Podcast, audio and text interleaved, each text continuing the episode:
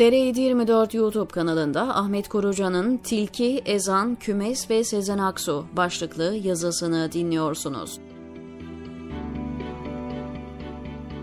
Türkiye gündemini yakından takip eden kişiler başlıktaki Sezen Aksu ismini görünce az çok ne yazacağımı tahmin etmiş olabilir. Ama tilki, ezan ve kümesle irtibatını kurmakta zorlanabilirler.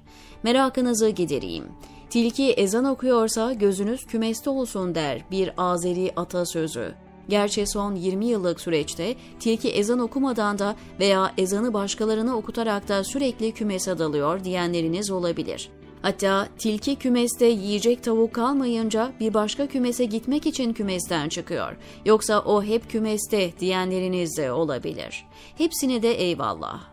Sezen Aksu'nun 2017'de söylediği bir şarkıda yerini alan Hz. Adem ve Havva'ya cahil demesinin problem olarak ülke gündemine sokulduğu günden beri meselenin dini boyutu adına bir şey söylediyen birçok dostum oldu. Geçen cuma Recep Tayyip Erdoğan'ın bir siyasi mitingde dilini kopartırız beyanından sonra ısrar eden dostlarım daha da çoğaldı. Pardon, siyasi miting meydanı değil, camiydi değil mi o? Cuma namazını kıldığı Çamlıca Camii, yanında peygamber cübbesini giymiş ve Hazreti Peygamberi temsil makamında bulunan imamın el pençe divan durduğu mihrap önünde yapmıştı o konuşmayı yanılmıyorsam. Özür dilerim. Bazen karıştırıyorum. Belki de onlar karıştırıyordur. Bilerek ve isteyerek. Kararı siz verin. Ben bu ısrarlar karşısında sadece bir tweet atmakla yetindim ve yazı kaleme almadım. Neden?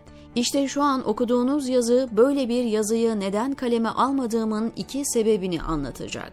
İlkini kısmen söyledim sayılır ama açmam gerekir. Bana göre mesele ne Sezen Aksu, ne Hazreti Adem ve Hazreti Havva, ne Kur'an, ne din ne de iman. Asıl mesele Türkiye'de hemen hemen her haneye ateş gibi düşen ve herkesi ilgilendiren hayat pahalılığı, enflasyon, döviz fiyatları, doğal gaz ve petrol ürünlerine yapılan zamlar vesaire.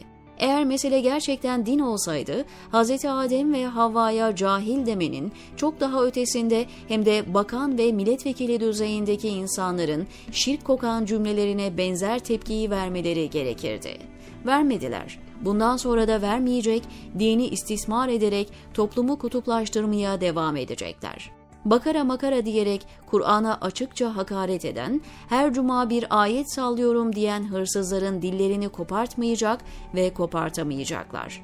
Kur'an'ı göbekten aşağıya tutmayan ama belki hayatlarında bir defa bile olsun ne diyor Allah bana bu mesajında demeyen ve meal dahi okumayan cahil kitleyi arkasına alarak toplumu kutuplaştırmayı sürdürecekler. Çünkü bu toplumda din onların kullanabilecekleri en iyi ve en son malzeme. İşte bakış açım bu olduğu için meselenin dini içeriğine yönelik yazılar yazmayı, konuşmalar yapmayı, Erdoğan'ın oyununa düşme, toplumu çekmeye çalıştığı mindere girme ve gerçek gündem konuşulmasın diye öngördüğü kapana kısılma olarak değerlendirdim. Sırf bu sebeple dostlarım konuş, yaz demesine rağmen konuşmadım ve yazmadım. Sadece onları kırmamak ve tarihe not düşmek için bir tweet attım. Dedim ki, insanlığa rahmet olarak gelmiş Hz. Muhammed'in mihrabında Hz. Adem'e atfen söylenen yorumu açık bir beyana dilini koparma tehdidinde bulunmak güldürmeyin insanı.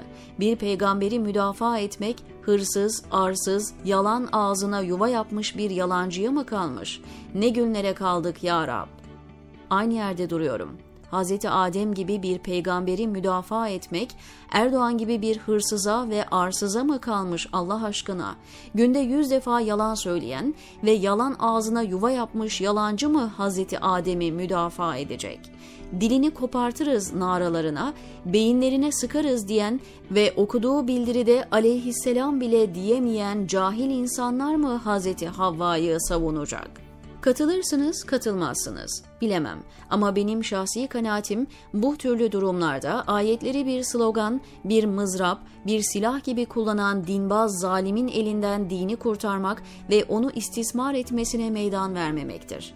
Bunun için söylemin ne dini içeriğe ne de yapıldığı mekana girmeden evrensel ve anayasal ilkeler, prensipler ekseninde bir tutum takınmalı, söylemleri bu merkezde geliştirmeli ve ona göre pozisyon almalı. Senin şu an hasbelkader başında bulunduğun devletin altına imza koyduğu Birleşmiş Milletler İnsan Hakları Evrensel Bildirisine Avrupa İnsan Hakları Sözleşmesi'ne aykırı hareket ediyorsun. Cumhurbaşkanı olmana rağmen seni de bağlayan TC Anayasası'nda yer alan din ve vicdan özgürlüğü, düşünce ve ifade hürriyeti maddelerine göre suç işliyorsun ve günü geldiğinde hesap vereceksin. Evrensel temel haklar referandum konusu bile yapılamazken nasıl olur da siyaset malzemesi yapılır demeli. Belki şu ilavede yapılabilir.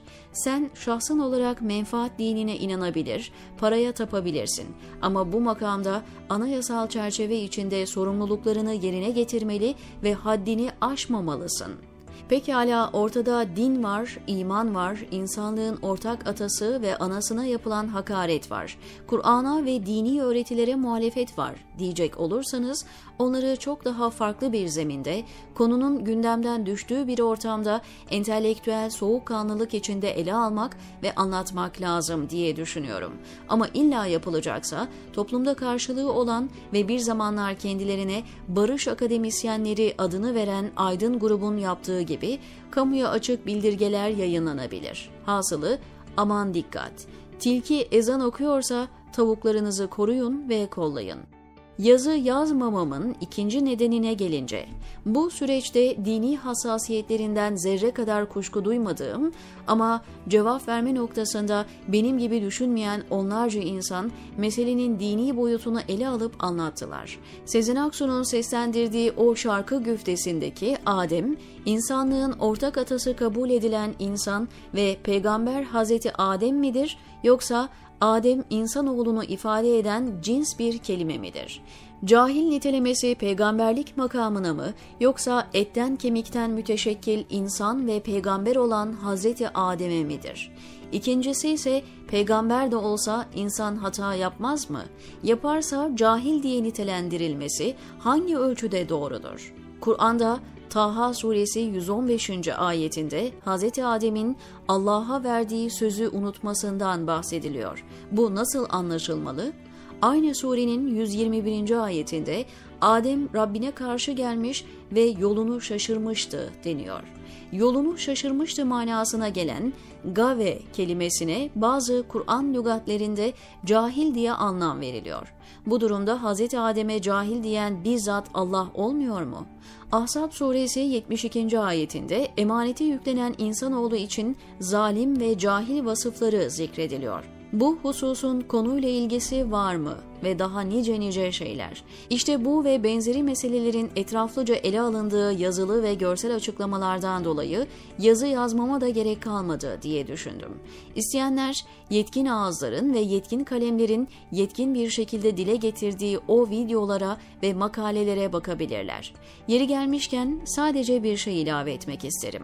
O da kutsal ve saygı kelime ve kavramları üzerinde dünya insanlığı çapında bir konsensüse varılamadıkça nihai bir çözüm sağlanamayacağının farkında olunması gerekiyor. Aynı dine inanan insanlar arasında bile ne kutsal ne saygı kavramları üzerinde iki kere iki dört eder katiyetinde bir anlaşmanın ve uzlaşmanın olmadığı yerde binlerce din ve inanç mensubunun birbirinden farklı milyonlarca kutsal ve saygı anlayışını ortak bir paydada buluşturup tanımlamanın imkansızlığına inanıyorum.'' Onun için kutsala saygı özellikle inanan insanlar için ilk etapta kulağa çok hoş gelen bir tınıya sahip olsa da toplumsal hayatta birbirinden siyah beyaz ölçüsünde farklı karşılıklara sahip olduğu su götürmez bir gerçektir. Onun için olsa gerek uluslararası anlaşmalara konu olan din ve vicdan hürriyetine sınırlama getirme noktasında genel ahlak, kamu düzeni, kamu huzuru, başkasının hürriyetine mani olmama gibi üst başlıklar zikredilmiş, bu kısıtlamaların kanunda nasıl yer alacağı, ceza verilip verilmeyeceği verilecekse ne tür cezalar verileceği ulusal devletlere havale edilmiştir. Bu her devlet, her toplum kendi kutsal anlayışı çerçevesinde bir kanunlaştırmada bulunsun anlamını taşır. Genco Erkal'ın ifadesiyle Serçe'nin sarayı ezip geçtiği ve iki gün içinde onlarca dünya diline çevrilen avcı şiiriyle yazımı bitiriyorum. Sen beni üzemezsin. Zaten çok üzgünüm. Nereye baksam acı. Nereye baksam acı. Ben avım, sen avcı. Vur bakalım.